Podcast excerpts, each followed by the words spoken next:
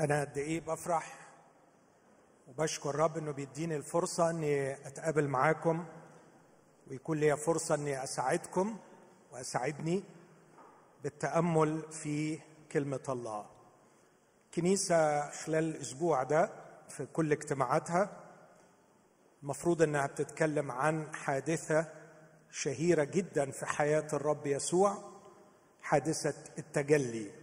لما الرب يسوع طلع على الجبل على الأرجح جبل حرمون وهناك تغيرت هيئته وجهه صار يلمع كالشمس وثيابه اختلفت وشه اختلف وشافه التلاميذ معاه موسى وإيليا. فهتأمل معاكم في حادثة التجلي. تحت هذا العنوان التجلي وملكوت الله والوعي. ثلاث كلمات. التجلي وملكوت الله والوعي. هستأذنكم نقف مع بعض وإحنا بنسمع الإنجيل المقدس من إنجيل لوقا. هقرأ من إنجيل لوقا أصحاح تسعة. هقرأ من عدد 28 لغاية عدد 36 لكن أثناء الاجتماع أتمنى إنه مينا هيساعدني ويبقى النص باستمرار معانا عشان هنروح في كل الأصحاح من أوله لآخره. لوقا 9 28 وبعد هذا الكلام بنحو ثمانية أيام أخذ أي الرب يسوع أخذ بطرس ويوحنا ويعقوب وصعد إلى جبل ليصلي. وفيما هو يصلي. صارت هيئة صارت هيئة وجهه متغيرة. ولباسه مبيضا لامعا. وإذا رجلان يتكلمان معه هما موسى وإيليا. موسى وإيليا اللذان ظهرا بمجد. وتكلما عن خروجه الذي كان عتيدا أن يكمله في أورشليم. وأما بطرس واللذان معه أي يعقوب ويوحنا فكانوا قد تثقلوا بالنوم. غاب الوعي وناموا. قد تثقلوا بالنوم. فلما استيقظوا رأوا مجده والرجلين الواقفين معه. وفيما هما هما موسى وايليا بفرق يسوع. وفيما هما يفارقانه قال بطرس ليسوع يا معلم جيد أن نكون ها هنا. فلنصنع ثلاث مظال لك واحدة ولموسى واحدة ولايليا واحدة. وهو لا يعلم ما يقول. وفيما هو يقول ذلك كانت سحابة فظللتهم. فخافوا عندما دخلوا في السحابة وصار صوت من السحابة قائلا هذا هو ابن الحبيب له اسمعوا. ولما كان الصوت وجد يسوع وحده وأما هم فسكتوا. ولم يخبروا أحدا في تلك الأيام بشيء مما أبصروه. آمين. هذه هي كلمة الرب. تفضل.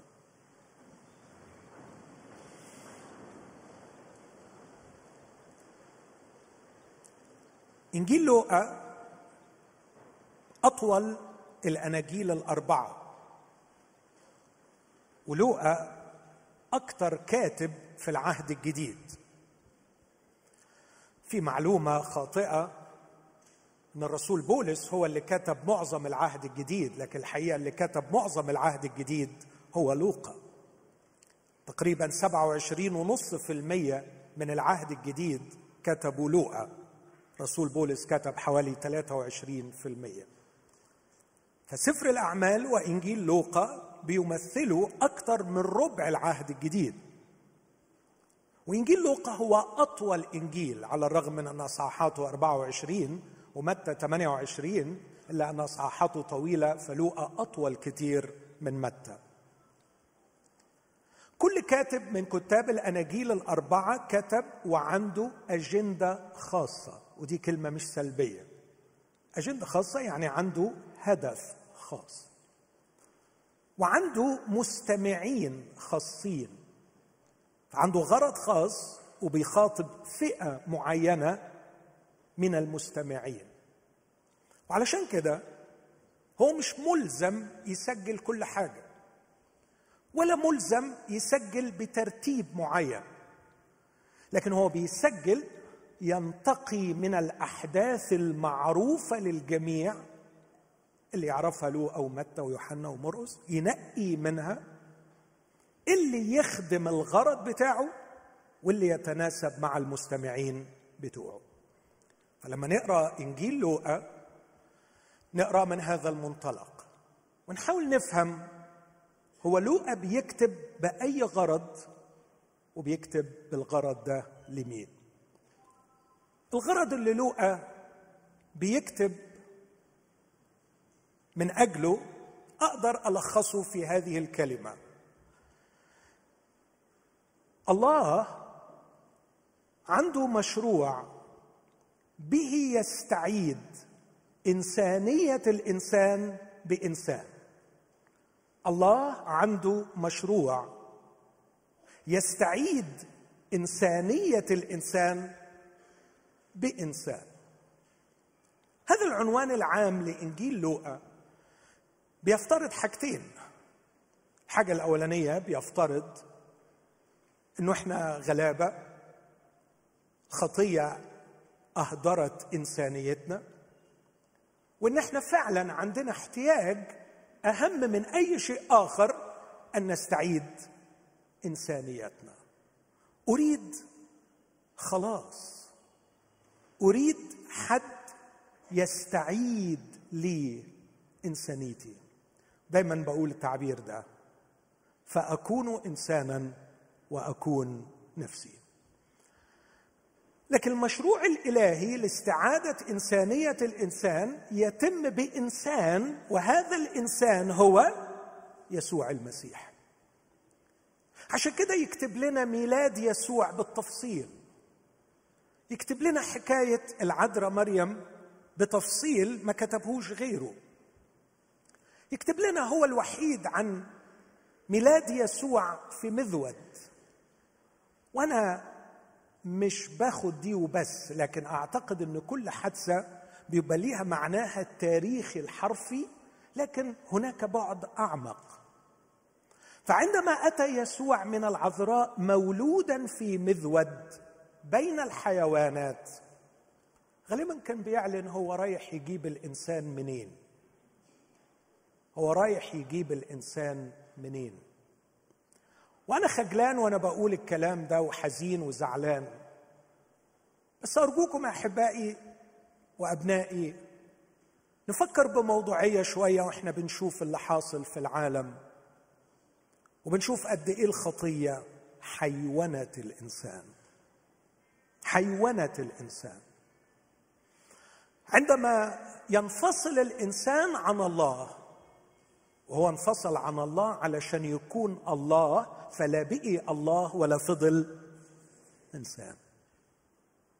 لكن تحيون والغريبة جدا إنه في أيامنا بيفتخر الإنسان بانتمائه للحيوان ولا يقر ابدا بل يرفض تماما أن يكون له انتماء بشيء ترانسندنت شيء متجاوز للعالم الحيواني.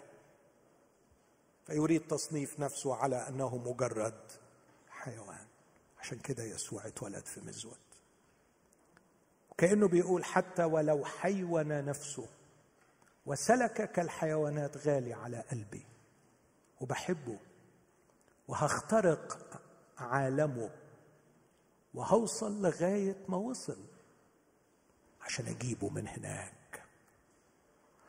هذا يجعلني عندما أرى خزي خطاياي وشري وأرى أني حيونت نفسي أسجد له وأقول له ما أروعك يا مخلصي لأنك لم تحتقرني لكنك أتيت إلي حيث أنا لكي تخرجني مما أنا فيه وترتقي بي ترتقي بي ترتقي بي إلى إنسانية شبهك لأكون شبهك. لكن اسمعوني. لأن الإنسان لم يصمم أن يكون حيوانا بل أن يكون سيدا ومتسلطا على الحيوانات. عندما رفض العلاقه مع الله وتحيون سقط فريسة لسيد قاسي كان جاهزا للسيطرة عليه. أصبحنا نرى نسخة أخرى من الإنسان إنه مش بس متحيون لكن متشيطن مش بس animalized demonized ولما أقول إنه تشيطن أرجوكم ما تاخدوهاش بالمعنى المصري. الواد ده شقي شيطان كيوت جميل شيطان. لا ما تاخدوهاش بالمعنى ده. لكن خدوها بمعنى أنه خاضع لسلطان إبليس. تحيون وتشيطن خضع لسلطان إبليس الكذاب فصار الإنسان كذبة. وخضع لسلطان إبليس القتال فصار الإنسان ظالما شرسا نجسا قتالا. هربت منه إنسانيته فصار متحيونا متشيطنا. اسمعوني يا شباب.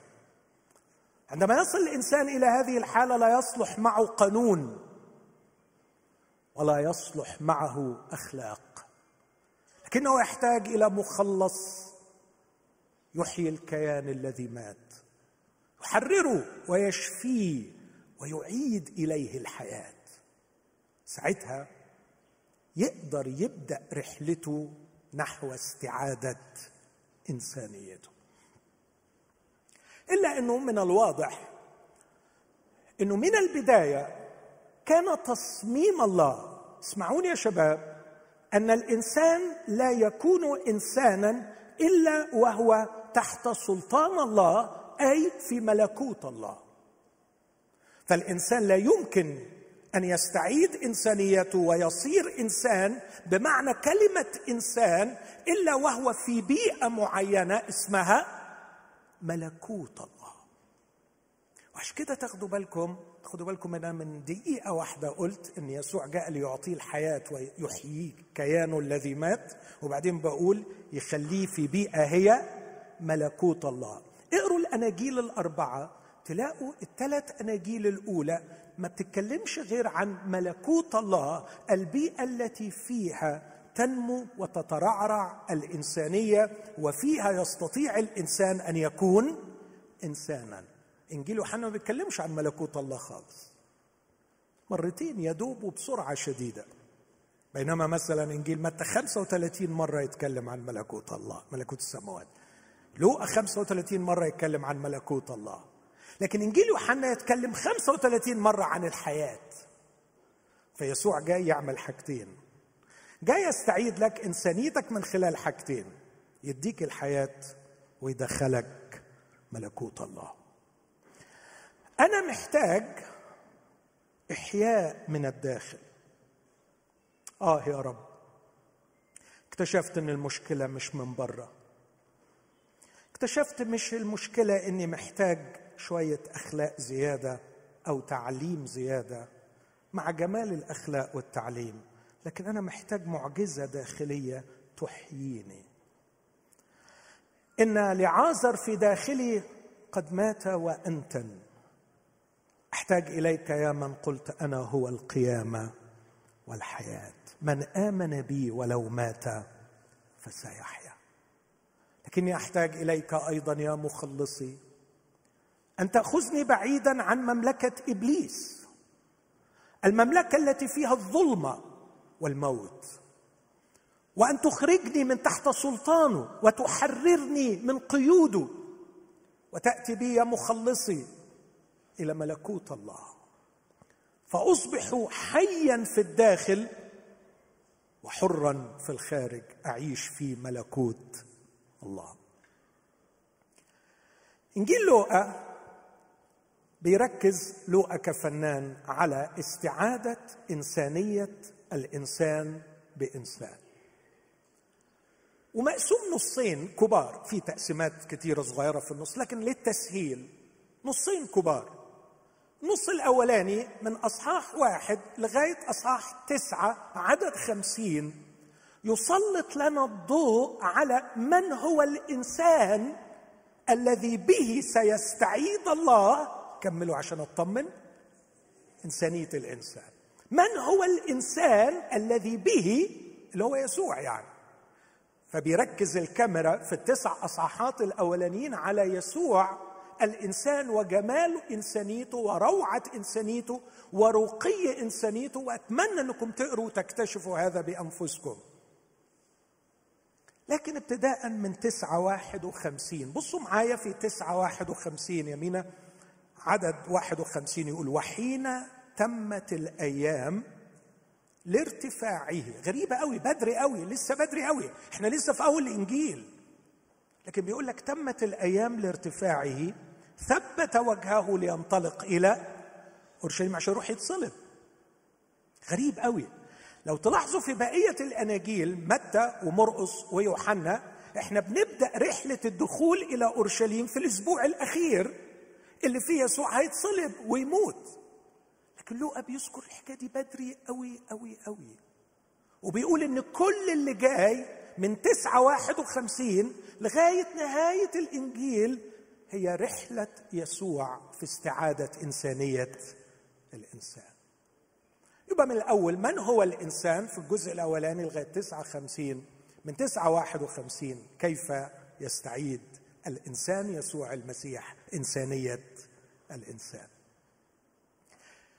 الكلايماكس القمة بتاعة الجزء الأول هي اللي قدامنا في أصحاح تسعة وجزء جوهري فيها حادثة التجلي. مين هو هذا الإنسان؟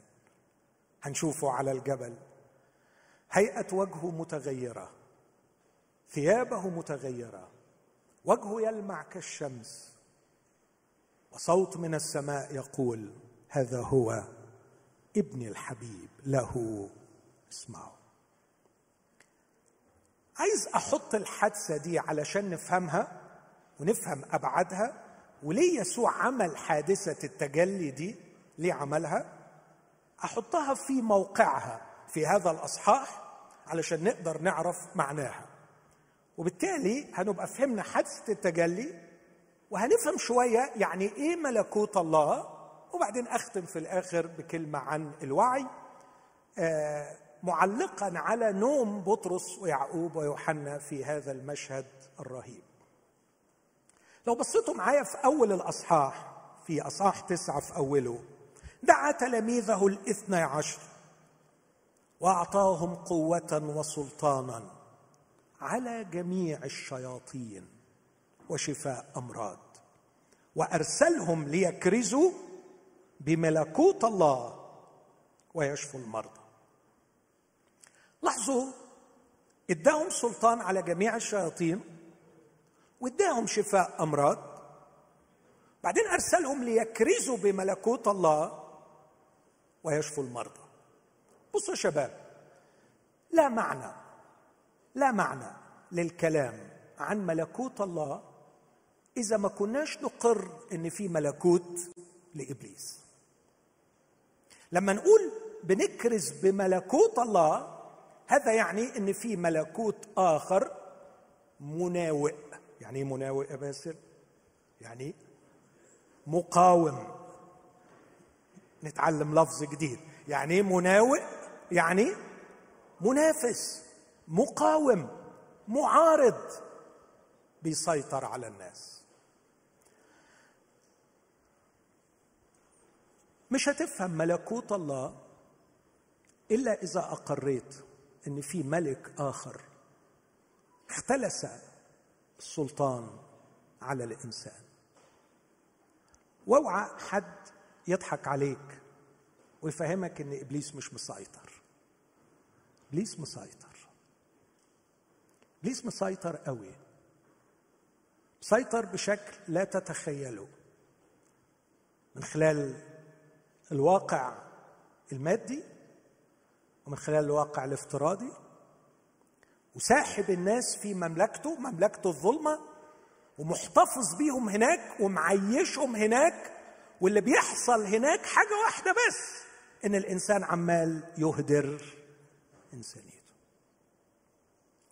وأنا لا أستبعد ابدا إنه عدد من اللي بيسمعني أو يشاهدني انه يكون تحت سلطان إبليس. والليلة أصرخ إلى الرب من كل قلبي أن الرب يفكه ويحرره في هذا الإنجيل اصح 11 اسمعوا العبارة دي في اصح 11 لما قالوا عن الرب يسوع كلام رديء وبيقولوا إنه ببعلزبول يخرج الشياطين عندما أخرج الشيطان من الرجل الأخرس.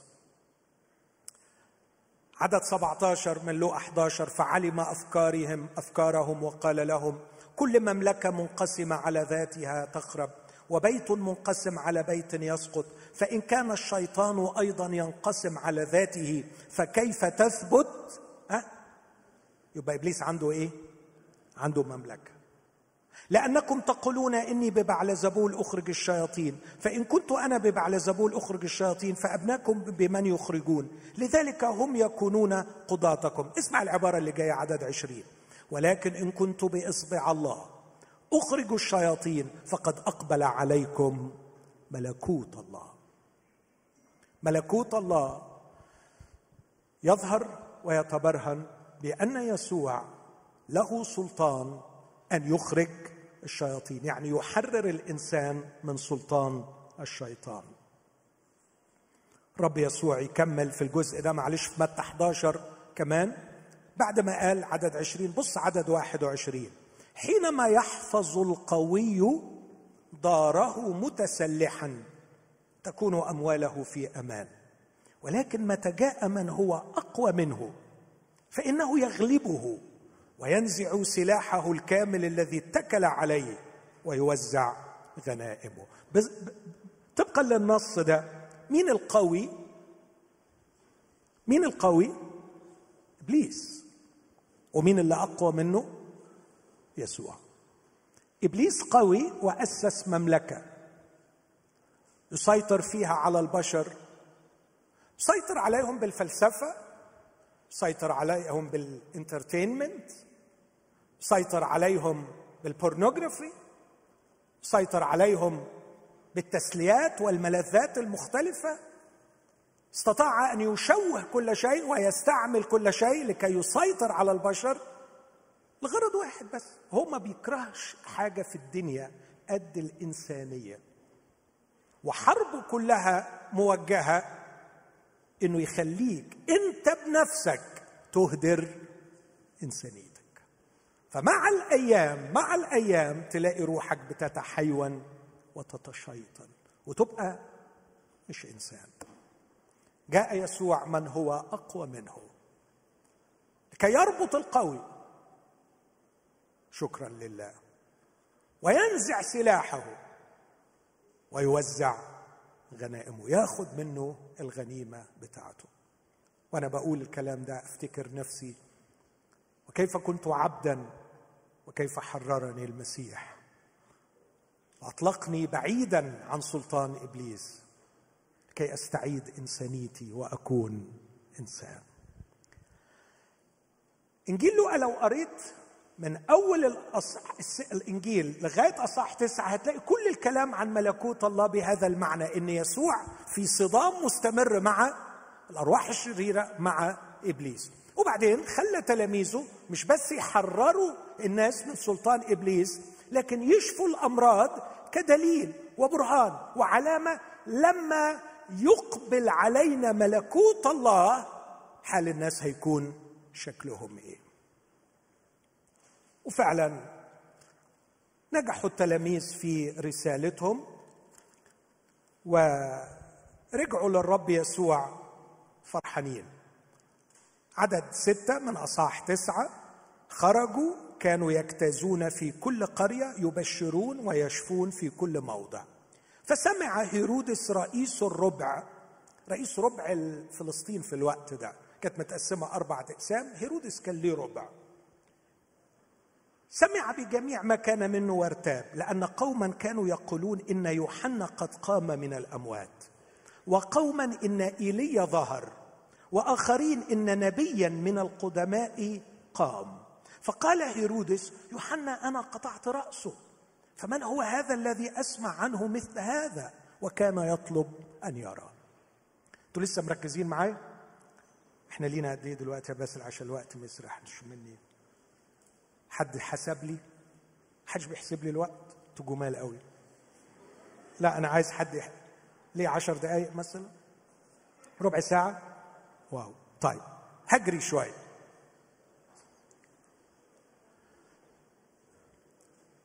مين يسوع؟ اليهود متعودين وكانوا بيحلموا إن ربنا يقيم من بينهم نبي. بس بعد اللي عمله المسيح وتلاميذه عندهم رأي مختلف شوية مش مجرد نبي. بصوا الكلام. يوحنا قام من الأموات. إيليا ظهر أو نبي من القدماء قام. طب ليه اخواننا ما تقولوش إنه في ربنا افتقدنا وقام بيننا نبي عظيم؟ هو ليه يعني الثلاث احتمالات اللي, اللي افترضتوهم حد جاي من العالم الآخر؟ يوحنا بعد ما مات قام رجع لنا من العالم الآخر. أو إيليا اللي راح العالم الآخر حي ظهر لنا تاني. أو إن نبيا من القدماء قد قام الثلاث افتراضات كلها بتقول إن في اختراق من العالم الآخر لهذا العالم. ودي نقطة جوهرية جدا في فكرة ملكوت الله. ملكوت الله مش هنعمله. ملكوت الله مش هنأسسه. ملكوت الله مش إن إحنا نتغير في أخلاقنا ونبقى حلوين فنجيب الملكوت. لأ. ملكوت الله موجود في العالم الآخر. وهنشوفه مع بعض النهارده. ملكوت عجيب مملوء بالمجد. وحقيقي جدا واقعي جدا. في موسى وفي إيليا رغم إن الفارق الزمني بين الاثنين مئات السنين لكن مع بعض. وعندهم فكرة عن يسوع وعن اللي عمله يسوع واللي هيعمله يسوع وبيتكلموا مع بعض. العالم الآخر يا شباب حقيقة واقعة. والعالم الآخر اسمعوا اخترق العالم الحاضر.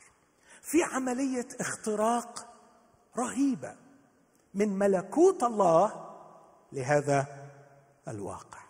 حاول تتخيل إنك بترسم دائره كبيرة يسود فيها إبليس بيبرطع مسيطر بي بي بيعمل كل اللي هو عايزه. وبعدين فجأة جاء الملكوت واخترق هذا العالم اللي كان موجود. فتقاطع مع الدايرة دي في جزء.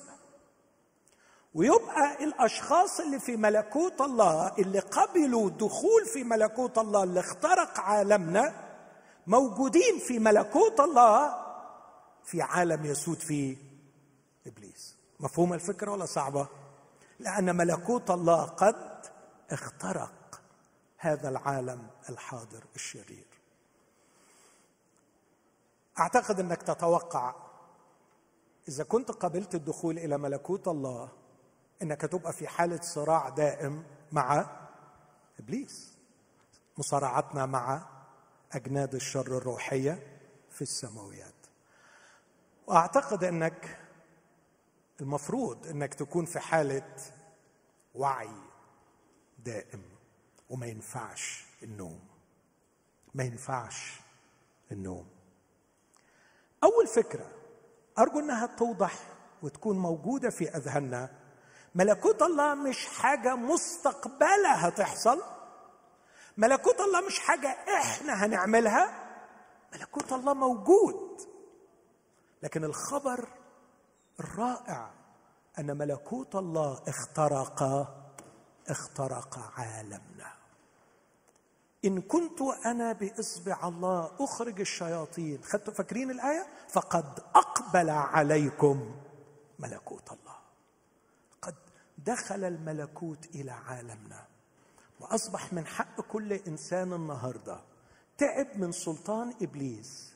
أو باللغة اللي أنا قلتها من شوية اشتاق إنه يستعيد إنسانيته. بنقول له في خبر رائع باب الملكوت مفتوح. تقدر تسلم حياتك للملك يسوع فيأخذك من سلطان إبليس ويضعك في ملكوت الله. اسمعوا الآية دي في كلوسي واحد أربعة عشر شاكرين أو 12 شاكرين الآب. شاكرين الآب الذي أنقذنا من سلطان الظلمة ونقلنا إلى ملكوت ابن محبته. شاكرين الآب الذي أهلنا لشركة ميراث القديسين في النور الذي أنقذنا من سلطان الظلمة ونقلنا إلى ملكوت ابن محبته. دي الفكرة الأولى في الأصحاح اللي بيهيأ بيه لختام الجزء الأول علشان ننطلق إزاي هيستعيد هذا الإنسان إنسانيتنا. أن الملك حضر والملكوت موجود وليس مجرد نبي قام لكي يعلم تعاليم جديدة لكن في حدث غريب حصل في اختراق لملكوت الله. ده اللي خلاهم يقولوا يا جماعة اللي بيحصل بيننا مش مجرد حد بيعمل معجزات. ما إحنا طول عمرنا بنشوف الأنبياء اللي بيعملوا معجزات لكن في حاجة جديدة. فرجعوا الرسل أخبروا يسوع بجميع ما فعلوا عدد عشرة. فراح واخدهم وانصرف منفردا إلى موضع خلاء لمدينة تسمى بيت صيدا. فالجموع إذ علموا تبعوه. فقبلهم. تقروا معايا وكلمهم عن إيه؟ عن ملكوت الله والمحتاجون إلى الشفاء شفاهم. فابتدأ النهار يميل. فتقدم الاثنى عشر وقالوا له اصرف الجمع ليذهبوا إلى القرى والضياع حوالينا. فيبيتوا ويجدوا طعاما لأننا ها هنا في موضع خلاء. الرب يسوع بذكاء بديع. وبجمال رائع. قال لهم أعطوهم أنتم ليأكلوا. فقالوا ليس عندنا أكثر من خمسة أرغفة وسمكتين إلا أن نذهب ونبتاع طعاما لهذا الشعب كله. بيقولوها بسخرية يعني. لأنهم كانوا نحو خمسة آلاف رجل. فقال لتلاميذه اتكؤوهم فرقا خمسين خمسين. ففعلوا هكذا وأتكأوا الجميع. فأخذ الأرغفة الخمسة والسمكتين ورفع نظره. اسمعوا الكلمة. كلمة محورية قوي في القصة دي. رفع نظره نحو السماء وكأنه بيقول أيتها السماء هل تخترقي هذا العالم البائس؟ هل تأتي أيتها السماء بمجدك وخيرك وجودك إلى هذا العالم البائس فتشبعي جوع الجياع؟ اليهود كان عندهم يقين إنه لما يأتي الملكوت الإلهي على الأرض هيكون في وليمة عظيمة. بصوا معايا في سفر إشعياء أصحاح 25 أقرأ لكم الوليمة دي بيوصفها إزاي إشعياء. عدد ستة. من إشعيا 25 عدد 6 ويصنع رب الجنود. هللويا. ويصنع رب الجنود لجميع الشعوب في هذا الجبل وليمة سماء وليمة خمر على دردي. طبعا مش فاهمين العربي مش وقته أشرح العربي ده. سماء ممخة.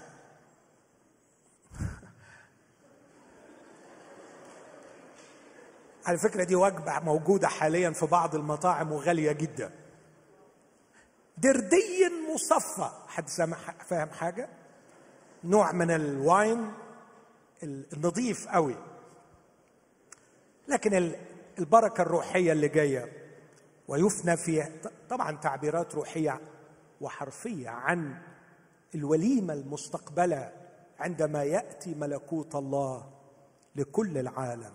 يفنى في هذا الجبل وجه النقاب. النقاب الذي على كل الشعوب. آه لو يرفع هذا النقاب. ويرى الناس مجد الملك يسوع. الغطاء المغطى به على كل الأمم. لكن الأجمل من إن الناس هتاكل أكل كويس وتستريح وتشفى في حاجة عجيبة هتحصل. اسمع يقول يبلع.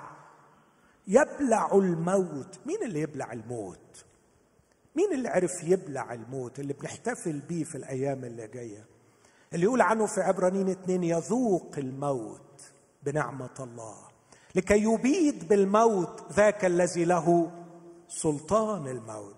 يبلع الموت إلى الأبد ويمسح السيد الرب الدموع عن كل الوجوه وينزع عار شعبه عن كل الأرض لأن الرب قد تكلم. ده ملكوت الله. فهم عندهم فكرة إنه لما هيجي ملكوت الله هيبقى فيه وليمة عظيمة.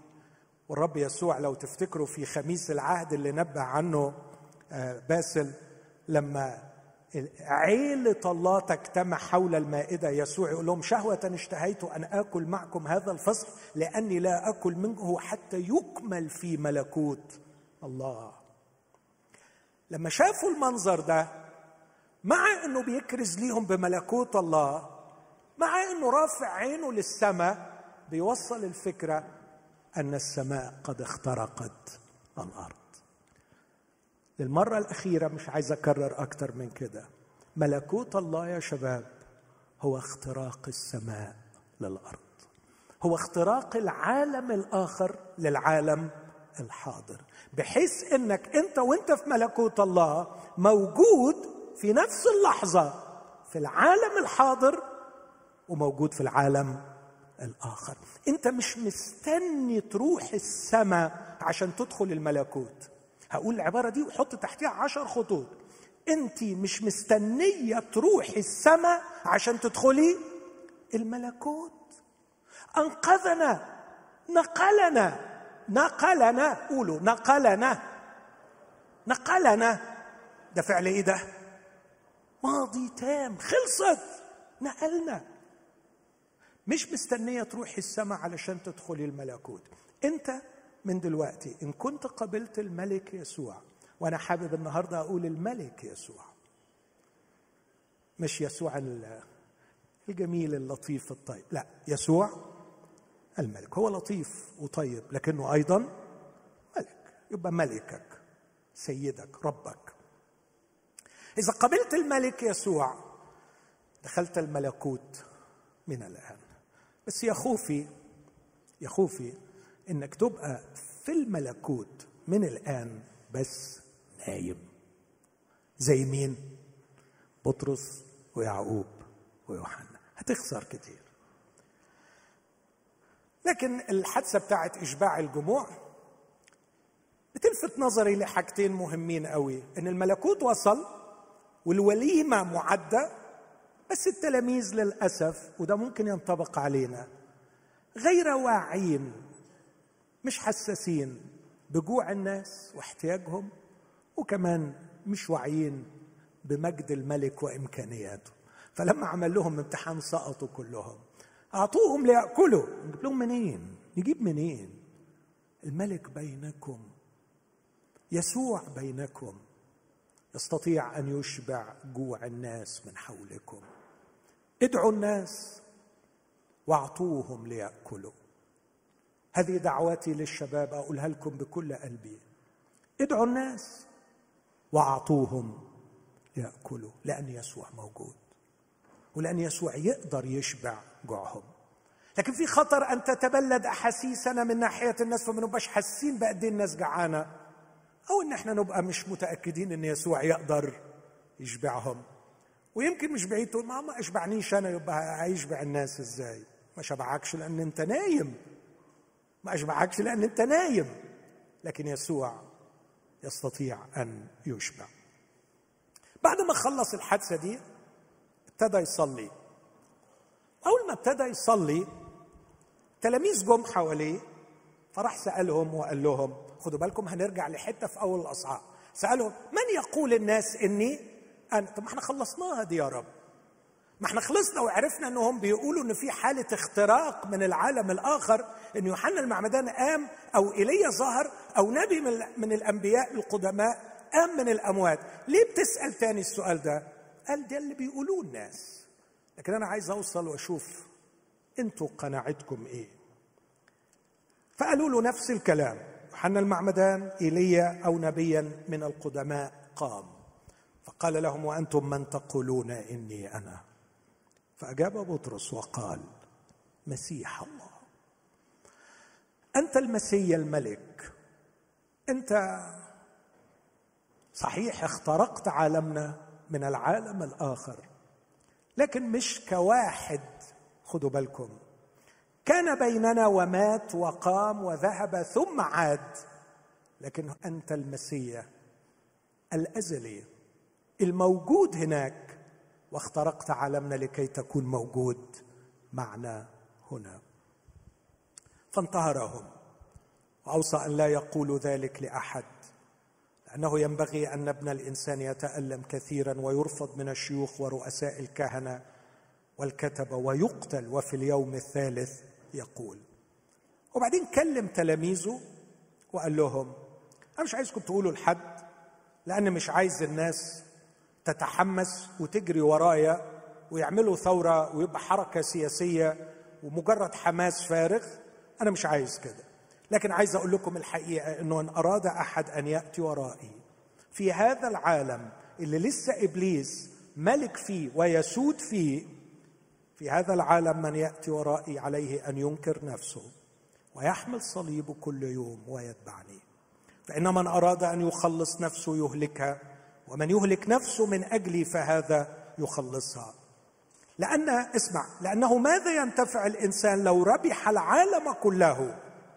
وأهلك نفسه يعني إنسانيته يعني ما بيش إنسان أو خسرها. لأن من استحى بي وبكلامي فبهذا يستحي ابن الإنسان متى جاء بمجده. ومجد الآب والملائكة القديسين. حقا أقول لكم إن من القيام ها هنا قوما لا يذوقون الموت. حتى يروا ملكوت الله. تلاميذه هم بيسمعوا الكلام وتأكدوا إنه هو المسيح وتأكدوا إن في اختراق حصل من العالم الآخر لعالمنا. راودهم حلم إنه أكيد أكيد مش هنشوف الملكوت في شكله النهائي واكتماله إلا عند عودة المسيح ومجيئه الثاني. لما بقى فاكرين المنظر بتاع الدايرة؟ يزق بقى إبليس خالص ويعلن ملكه على الجميع وتمتلئ الأرض من معرفة الرب كما تغطي المياه البحر وتكثو باسم يسوع كل ركبة في السماء وعلى الأرض ومن تحت الأرض. فالتلاميذ مشتاقين على اليوم ده بس حسوا إن هم مش هيشوفوا المنظر ده إلا في مجيء المسيح الثاني. فراح الرب فاجئهم وقال لهم لا هقول لكم على حاجة غريبة. أنتوا مش هتستنوا لما تموتوا علشان تروحوا. لكن منكم في قوم هاخد ثلاثة منكم وهوريهم الملكوت إنه موجود دلوقتي. وإنه اخترق هذا العالم. المشكلة إنكم ما تقدروش تشوفوه بعيونكم الحرفية لكن تقدروا تعيشوا فيه روحيا من الآن. لكن هاخد منكم ثلاثة وافتح عينيهم على الواقع الروحي على العالم الروحي وخليهم يشوفوا العالم الآخر اللي اخترق هذا العالم. وده اللي حصل في حادثة التجلي. فكان يسوع يريد أن يملأ التلاميذ يقينا أنه يوجد ملكوت الله يوجد في العالم الآخر وأنه قد اخترق هذا العالم وأننا لا نستطيع أن نراه بعيوننا الحرفية لأننا لم نزل في هذه الأجسام لكن نقدر نعيش فيه روحيا من الآن ونقدر دلوقتي نحقق انتصارات روحية ونجعل ملكوت الله ينتشر ويتغلغل ويضم الكثيرين في انتظار عودة المسيح ثانية ليجعل ملكوته في كل الأرض. خد بطرس ويعقوب ويوحنا وطلع بيهم على الجبل. وهناك صارت هيئة وجهه متغيرة ولباسه مبيضا لامعا. ده المنظر على فكرة اللي شايفينه القديسين والملائكة في العالم الآخر. كيف يرون يسوع؟ يرونه بهذا المجد حتى وهو على الأرض لأنه الملك يسوع المسيح.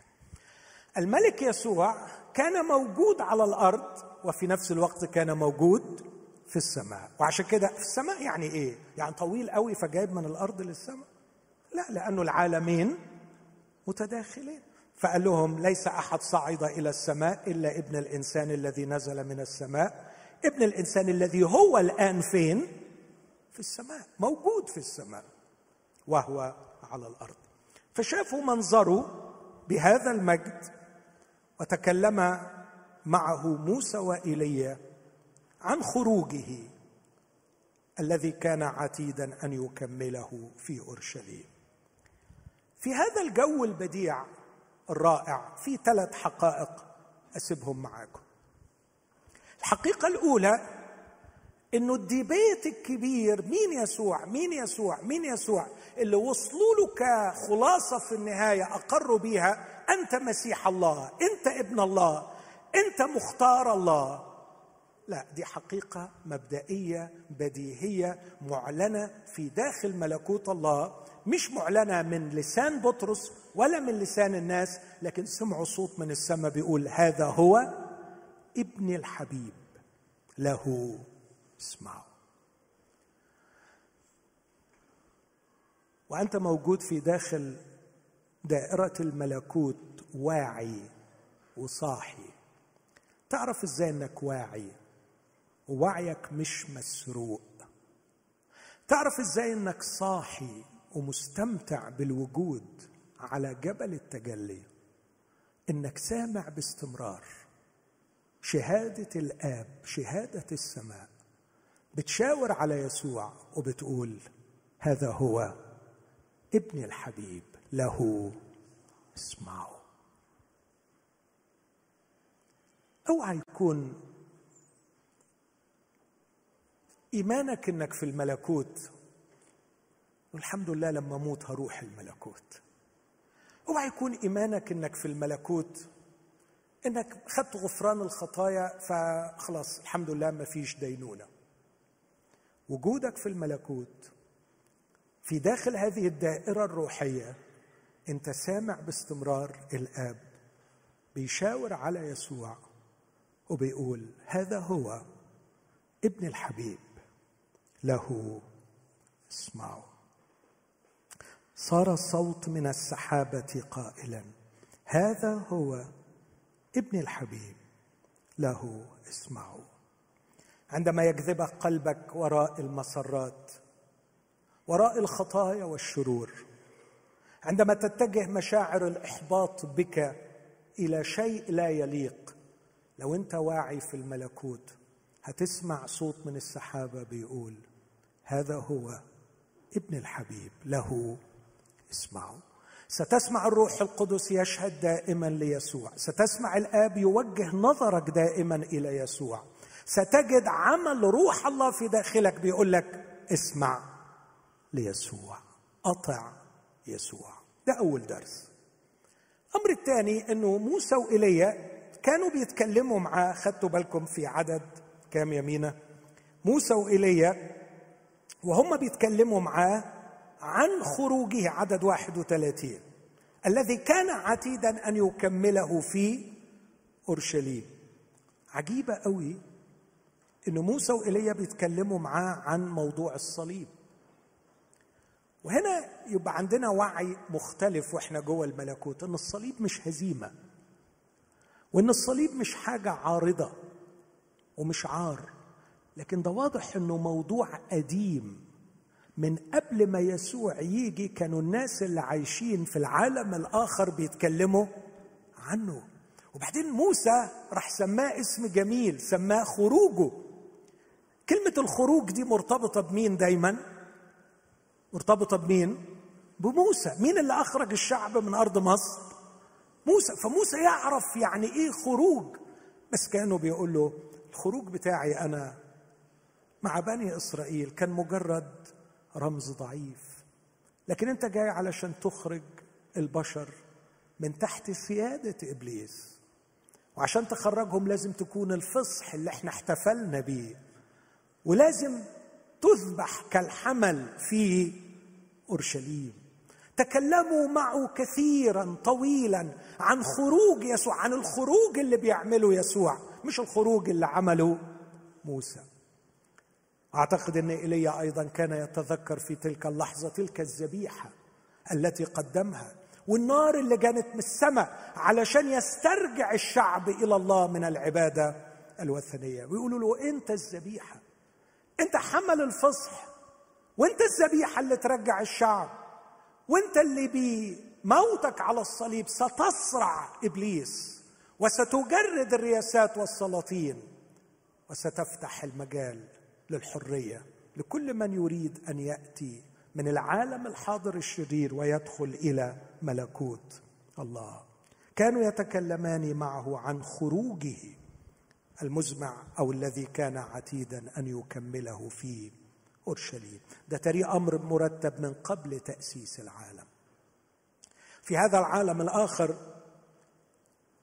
في موسى وايليا والاثنين زي ما أشرت الفارق الزمني كبير بينهم لكن واضح إنه هناك الزمن له اعتبارات أخرى. ما أقدرش أقول ما فيش زمن لكن واضح إنه مش فارق لأنه مئات السنين والاثنين بيتكلموا مع بعض. وهم في هذا المشهد البديع وهذا الحديث الرائع تلاميذ نايمين. مش ده شيء غريب؟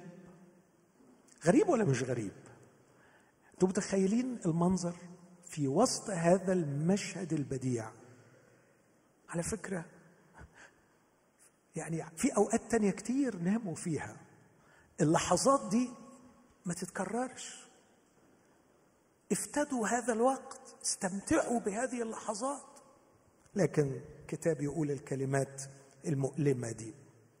عدد 32 وأما بطرس واللذان معه فكانوا قد تثقلوا بالنوم. فلما استيقظوا رأوا مجده والرجلين الواقفين معه لكن يا خسارة صحوا متأخر. وكان المشهد بينتهي. اسمع يقول إيه بعديها؟ وفيما هما يفارقان. خلاص لما صحوا كانوا بيفرقوا. بطرس طبعا قال أي كلام؟ قال يا معلم جيد أن نكون ها هنا. نصنع ثلاث مظال. الجبل ده هو جبل حرمون وعليه شجر كتير فكان عايز يقطع شوية شجر كده ويعمل مظلة. واحدة لك واحدة لموسى واحدة لإيليا واضح إنه استوعب مين دول. موسى وإيليا عايز يقعدهم. نعمل مظلة يعني ناويين على قعد. تو ليت يا حبيبي خلاص. المشهد خلص وموسى وإيليا سيختفوا لأنك كنت نايم. وطبعا غلط غلطة تاني أنه ساوى يسوع الملك بموسى وإيليا عشان كده لوقا يعلق ويقول هذه الكلمة وهو لا يعلم ما يقول. لكن جاءت سحابة من السماء ظللتهم فخافوا. عندما دخلوا في السحابة وسمعوا الصوت ولما كان الصوت وجد يسوع وحده. شباب أنا مؤمن كل الإيمان أن كل من قبل الرب يسوع المسيح الرب أعطاه حياة ونقلوا إلى الملكوت. لكن يا ترى ليه إحنا مش عاملين الإرسالية بتاعتنا؟ وليه إحنا مش مستمتعين باسترجاع إنسانيتنا؟ ده ينقلني للكلمة الأخيرة الوعي. الوعي. إيه هو الوعي؟ مش عايز آخد وقت في تعريف الوعي لكن لو حد فيكم عمل عملية وخد بنج يعرف يعني إيه الوعي. الوعي هو الحاجة اللي بتغيب بالبنج والحاجة اللي ترجع لك لما تفوق من البنج على فكرة مش ضروري بالنسبة للملكوت تاخد بنج علشان وعيك يغيب عن الملكوت. لكن ممكن تبقى عايش مغيب عن الملكوت. وانت مؤمن. والرب يسوع أعطاك الحياة ونقلك من سلطان الظلمة إلى ملكوته لكن عايش distracted distracted مشتت مشتت مشتت. كم حد فيكم جرب كأنه في معركة على ذهنه. بتحاول تخليه دايما مش قادر يركز دقيقة واحدة. حد جرب الكلام ده؟ حد جرب؟ ما تتكسفش إنك تقول إنه ده. عايزك تفكر إنه ده حرب من إبليس.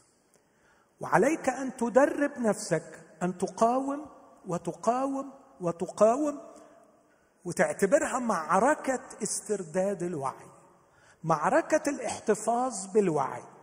معركة أنك ستفكر فيما تريد أن تفكر أنت فيه. مش إنك تبقى سايب نفسك تفكر في حاجة أنت ما خططت لهاش مفهوم قصدي؟ تلاقي روحك طبعا بعد هذا الاختراع المرعب اللي اسمه الفيسبوك أنت عمرك ما بتفكر في اللي أنت عايز تفكر فيه لكن أنت اللي بيفرض عليك أنت بتفكر فيه. اسمحوا لي يا شباب أحكي لكم حاجة وما أقصدش إن أنا ألفت النظر لأي شيء إلا إني أقول لكم من الخبرة الروحية. لما رجعت للرب جديد ما كانش فيه ايامينا الإنترنت ما كانش فيه الفيسبوك ما كانش فيه كل المشتتات اللي موجودة عندكم لكن أكيد كان في حرب على أذهاننا برضه لأن الحرب شغالة. وأنا كنت ساكن بعيد عن الكلية بتاعتي في اسكندرية وكان لازم كل يوم آخد الأتوبيس حوالي ساعة وربع. وطبعا كان مستحيل ألاقي كرسي أقعد فطول الوقت واقف. فأتذكر إني عملت الحكاية دي وتدربت عليها. كنت قبل ما أنزل عشر دقايق الصبح أقعد أكتب لستة بالحاجات اللي أنا عايز أفكر فيها. علشان وأنا ماسك كده في الأتوبيس والأتوبيس ماشي ما اقعدش تايه ومخي بيفكر في أي حاجة تفرض عليا من الخارج. كل شوية أطلع الورقة نمرة واحد. هصلي لأجل الشباب فلان وفلان وفلان. دخل ورقة وأقعد أصلي لهم.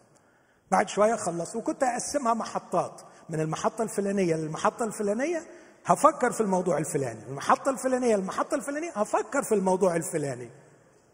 أنا أسيطر على وعي. ولا أترك وعي فريسة لإبليس. أحبائي وأبنائي اسمعوني. إن كان في حاجة إبليس عايز يسلبها منك هي وعيك. إذا عرف يسيطر على وعيك سيطر عليك. فأنت وعيك. وإذا صار وعيك في يده أنت كلك في يده. خد بالك إنه أوعى تفكر إنه ده موضوع لعبة. في هذا المشهد بس التفاصيل دي مش موجودة في لقا موجودة في متى وفي مرقس انه بطرس مش متعود لسه على الاحتفاظ بوعيه. كانت النتيجة لما يسوع قال لهم ابن الإنسان سيسلم إلى أيدي الناس وهيحصل وهيحصل. فاكرين بطرس قال له إيه؟ حاشاك يا رب أن يكون لك هذا. فاكرين يسوع رد عليه وقال له إيه؟ اذهب عني يا شيطان. هل من الممكن أن في لحظات عدم التركيز وعدم الاحتفاظ بالوعي ينطق الشيطان على ألسنة المؤمنين؟ نعم. هل ممكن تجي لك رسالة من شخص مؤمن وبها أفكار من إبليس؟ نعم. نعم. إبليس في معركة دائمة معنا ليسيطر على وعينا. إن كنت أقدم لكم نصيحة هو التدريب الروحي. أنا بكلم المؤمنين. إذا كنت تريد أن تتطور في ملكوت الله وتنمو في ملكوت الله وتستعيد إنسانيتك ويزداد جمالك وتزداد قوتك ويزداد تأثيرك وتزداد خدمتك استرجع وعيك. استرجع وعيك من العالم الافتراضي. استرجع وعيك من رسائل رايحة جاية ملهاش ستين لازمة. استرجع وعيك من سهر بدون داعي. استرجع وعيك من انشغالات واهتمامات لم تفيدك بأي شيء سنين هذا عددها وانت واقف مكانك محلك سر في حياتك الروحية. لن ننمو روحيا إلا بعد استعادة وعينا من براثن التشتيت المحكم الذي يقوم به إبليس بكل ذكاء في كل لحظة حتى وانت قاعد قدامي دلوقتي. قد إيه سلطانك إنك تفكر في اللي أنت عايز تفكر فيه. قد إيه سلطانك على أن تقول جعلت الرب أمامي في كل حين؟ قد إيه سلطانك إنك تطيع القول؟ هذا هو ابن الحبيب له. اسمع بص عليه واسمع تعليمه. بص عليه واسمع تعليماته. خلي يومك بهذا الشكل طول الوقت محتفظ بوعيك. إيه الأثر اللي ممكن يبان علينا؟ لو فعلا عملنا كده الحادثة اللي حصلت بعد التجلي تقول كتير. لما نزلوا من الجبل استقبله جمع كثير. وإذا رجل من الجمع هات لنا يمين النص ده عدد 38 صرخ قائلا يا معلم أطلب إليك انظر إلى ابني. هنا الحتة دي لوقا بس اللي هو قالها. فإنه وحيد لي. وها روح يأخذه. ها روح يأخذه. فيصرخ بغتة فيصرعه مزبدا وبالجهد يفارقه مرددا إياه. وطلبت من تلاميذك أن يخرجوه فلم يقدروا. فأجاب يسوع وقال يسوع هنا مش بيكلم التلاميذ لكن بيوجه رسالة للجيل. الجيل هنا اليهود ودي نبوة كان موسى قالها عنهم في 32 إن جيل معوج ملتوي بيعبد آلهة غريبة خلت الأرواح الشريرة تيجي وتمتلكهم. عبدوا آلهة غريبة. إلى متى أكون معكم وأحتملكم؟ قدم ابنك إلي إلى هنا. بينما هو آت مزقه الشيطان وصرعه فانتهر يسوع الروح النجس وشفى الصبي وسلمه إلى أبيه. فبهت الجميع من عظمة الله. لابد أن يكون لنا تأثير إذا عشنا بصدق في ملكوت الله. وما هو التأثير؟ هنرجع الولد لأبوه؟ هنرجع الطفل؟ اسمع العبارة دي جميلة في عدد 42 شفى الصبي وسلمه إلى أبيه. الله عنده ناس كتير بيحبهم زي الابن الضال. ونفسه حد يرجعهم له. إذا استعدنا وعينا في ملكوت الله وعشنا بتركيز هنكون قادرين بنعمة الرب أن نسلم الصبي إلى أبيه هنرجع الولد المصروع. حد فيكم يعرف صديق أو صديقة؟ مصروع. مصروع. قد إيه بسمع الكلمة دي وبتؤلمني؟ واحدة تقول لي صاحبتي بتصور روحها عريانة بتبعت صورها لصديقها وصديقها ذليلها وبيبتزها. كان فين عقلها؟ كان فين وعيها لما عملت كده؟ واحدة بتسلم جسدها لكاذب لمخادع. كان فين عقلها؟ كان فين وعيها؟ أو واحد بيتعاطى المخدرات وهو عارف نهايتها وأذيتها. فين الوعي؟ روح يأخذه يصرعه. محتاج حد يحبه وياخده من إيد إبليس ويسلمه لأبيه. أمين؟ ياخده من إيد إبليس ويسلمه إلى أبيه. أنا خلصت بس هختم بحاجة جغرافية حلوة. يسوع لما قال الكلام ده كله كان واقف قدام صخرة كبيرة فيها عشرين هيكل وثني باقيين منهم سبعة أنا شفتهم. وفي هذه الهياكل كانت تقدم ذبائح بشرية. كان يرموا الأطفال للآلهة الوثنية. وهم هناك في هذا المنظر وصراخ الأطفال. قال يسوع على هذه الصخرة أبني كنيستي. وأبواب الجحيم لن تقوى عليها اوعوا تفهموا الآية دي غلط. أبواب الجحيم لن تقوى عليها. أبواب الجحيم مش بتعمل دور هجومي لكن بتعمل دور دفاعي. ومين اللي ليه الدور الهجومي؟ الكنيسه فالكنيسة رايحة تهجم على أبواب الجحيم علشان تاخد الولد وترجعه لأبوه. أمين؟ خلونا نقف مع بعض. وخلونا كده واصلي إن الروح القدس يساعد كل واحد. الوقت اللي جاي مهم قوي. اطلب شفاعة الروح القدس إنه يعينك عشان تركز وعيك على وجه يسوع المسيح. يسوع حقيقة. ملكوت الله حقيقة. العالم الآخر حقيقة. الملك موجود في هذا العالم الآخر يسوع على العرش. يسوع على العرش حقيقة.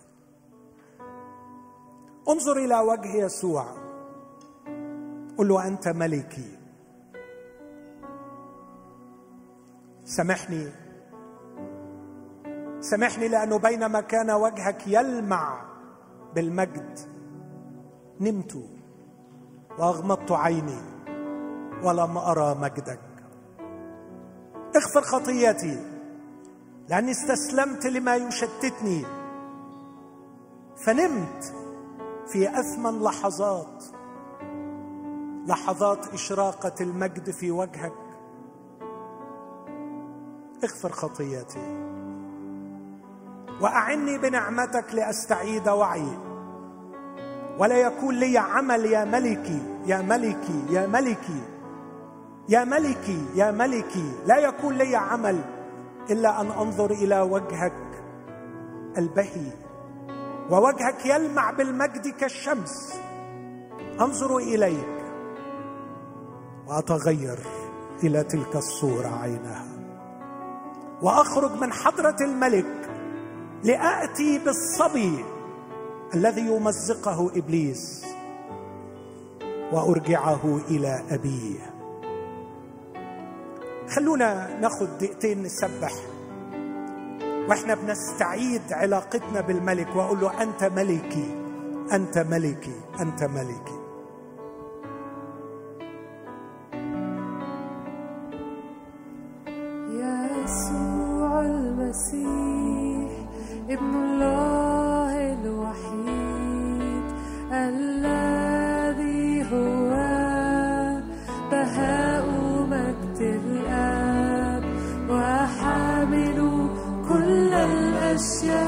بكلمه قدرتي وحامل كل الأشياء بكلمه قدرتي.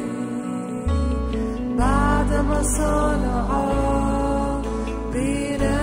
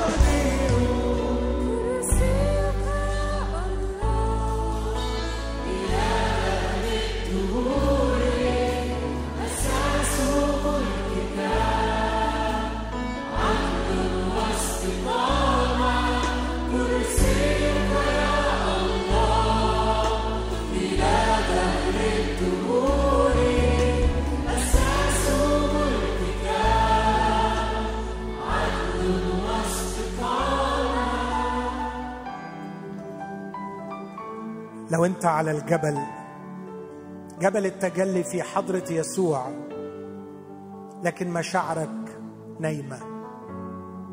نايمة مش حاسس. وأفكارك نايمة مش عارف تفكر. صلي معايا. قل له إيقظني صحيني فوقني قومني من نومي. قومني من نومي. كي أعود وأرى مجدك. نفسي يرجع جوايا الإحساس ببهائك. نفسي أمتلئ من جديد بالدهشة بالخشية بالفرح لأني لك. استعيد معايا. يعني إيه أنت؟ تلميذ يسوع الملك. خطاياك مغفورة. خطاياك مغفوره قل له أنت ملكي. حملت عني إثمي. خطاياي مغفوره خطاياي مغفوره خطاياي مغفوره لأن دم يسوع المسيح ابنه. يطهرنا من كل خطيئه هذا ما فعله الملك يسوع. لنا فيه الفداء. هذا هو خروج الذي أكمله في أورشليم. به لنا غفران الخطايا. قل أنا تلميذ الملك يسوع خطاياي مغفورة. الأمر الثاني إبليس ليس له سلطان علي. كرر الكلمة دي جواك. إبليس ملهوش سلطان علي. أخضع كل شيء تحت قدميه. يسوع فوق كل رياسة وسيادة وسلطان. إبليس ليس له الحق في وعيي في تركيزي. إبليس ليس له الحق أن يشتت ذهني طوال اليوم في أمور بعيدة عن ملكي وإلهي. أكد لنفسك الحقيقتين دول يسوع ملكي. قولها كتير يسوع ملكي يسوع ملكي. خطاياي مغفورة خطاياي مغفورة. الحجاب مشقوق وأنا في حضرة الله. مصالح. أنا مش بعيد أنا مش بره أنا في الداخل. داخل البيت المرشوش بالدم. وإبليس ملوش سلطان علي. ليس لأي روح شرير سلطان أن يشتتني. وأن يأخذ وعي بعيدا عنك. وأكون في النهاية ضحية بيتلعب بيا. بفكر في اللي هو عايزني أفكر فيه. مش بفكر فيك ومش بفكر في اللي أنا عايز أفكر فيه. أيها الرب يسوع انتهر الروح الشرير. انتهر الروح الشرير. هذا الذي يصرع هذا الذي يقيد هذا الذي يذل هذا الذي يأتي بالدموع والانكسار والخطية والذنب والندم. أنت ملكي أنت أقوى وأنت أعظم وأنت صاحب السلطان. أنا تلميذ الملك. لن أعيش أسير الشعور بالذنب. ولن أكون مشتت الوعي. لن أكون مشتت الوعي. يسوع هو الملك.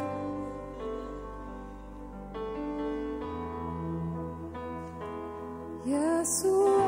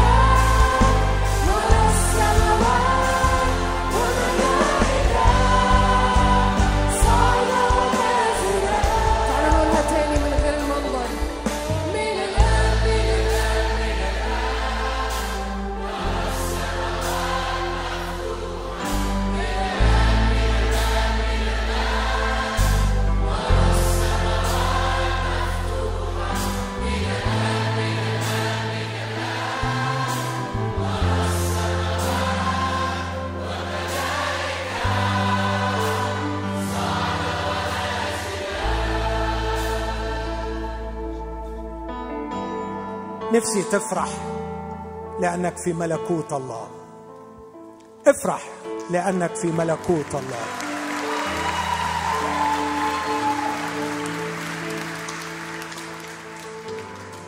ده مش معتقد ده واقع.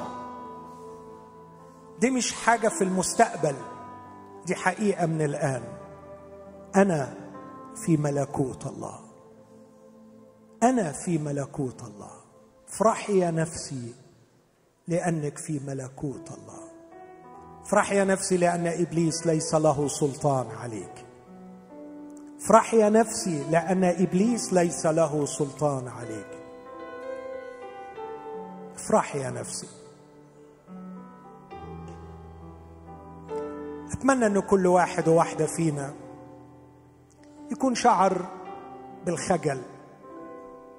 إنه كان مسلم وعيه لإبليس. وعايزين نتعهد أمام الملك يسوع. أنا عارف إنه الصراع مش هيكون سهل لكني بنعمتك سأنتصر أيها الملك. ساعدني أيها الملك. ساعدني بنعمتك لكي تبقى عيني مفتوحة على وجهك. وجهك الجميل. أريد أن أراك. وأظل أراك. ولا ينصرف وعي عنك لحظة واحدة. لكي تحل علي قوة المسيح. أشتغل وأنا شايفك. أبكي وأنا شايفك. حتى لو خفت أخاف وأنا شايفك. لا يبرح وجهك من أمامي ابدا. يباركك الرب ويحرسك. يرفع الرب وجهه عليك ويرحمك. يضيء الرب بوجهه عليك ويمنحك سلاما. هذه هي العيشة في ملكوت الله. رحمة وبركة وإرشاد وسلام تحت سلطان الملك يسوع. اوعى تقبل بأقل من كده. ليلة ليلة استعادة حريتك واستعادة وضعك كابن للملك. استرداد الوعي وعدم التفريط فيه مرة تاني. مش هفرط في وعي واديه للفيسبوك. مش هفرط في وعي واقعد على الانستجرام واقعد على اليوتيوب ساعات أشوف اللي ملوش لازمة يتشاف وأسيب وعي يتشكل في عالم شرير رديء. سامحني يا يسوع. ومن النهارده هرجع معاك وأنا صاحي علشان أشوف مجدك. أنا فعلا غرضي أشوف المجد. ومش عايز حاجة تاني غير إني أشوف المجد. آخر حاجة أصلي معاكم بيها فكر في صاحبك اللي إبليس بيصرعه. فكري في صاحبتك اللي إبليس بهدلها. وقول يا رب يسوع نفسي أرجع الصبي لأبيه. فشفى الصبي وسلمه إلى أبيه. عايز أخرج أشتغل معاك. وأبواب الجحيم لن تقوى علي. أبواب الجحيم ستنهار أمام الملك. وأنا بجيب الصبي واسلمه لأبيه. أوعى يا شباب تكونوا نسيتوا إرساليتكم. ونسيتوا احتياج العالم من حولكم. ليسوع الملك. رب الحبيب يسوع سد علينا من جديد واغفر خطيتنا عندما سلمنا وعينا لغيرك. عد وارحمنا يا سيد وارجعنا صاحين واعين. نقبل تحذيرك وتعليمك. اسهروا اسهروا لأن إبليس خصمكم كأسد زائر. يقول ملتمسا من يبتلعه هو. نعترف يا سيدنا أن إبليس ابتلعنا على ال social media. أن إبليس ابتلعنا في أمور لا قيمة لها. لكننا نطلب غفرانك وتحريرك في هذا المساء. ونعود رجالك أبنائك الذين نستعيد لك النفوس التي أحببتها. في اسم المسيح. آمين.